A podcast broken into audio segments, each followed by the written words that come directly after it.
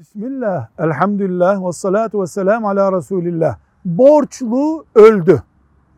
Rakamlar büyük. Varisleri alacaklıya gittiler. Dediler ki bizim babamızın mesela sana şu kadar borcu vardı. Bin lira borcu vardı. Dört taksitti. Müsaade et bunu bir sene sonra ödeyelim dediler. Alacaklı da olur dedi ama bunu farklı ödersiniz dedi. Mesela bin lirayı 1100 lira olarak ödersiniz dedi. Kesinlikle bu faiz ve haram asla olmaz.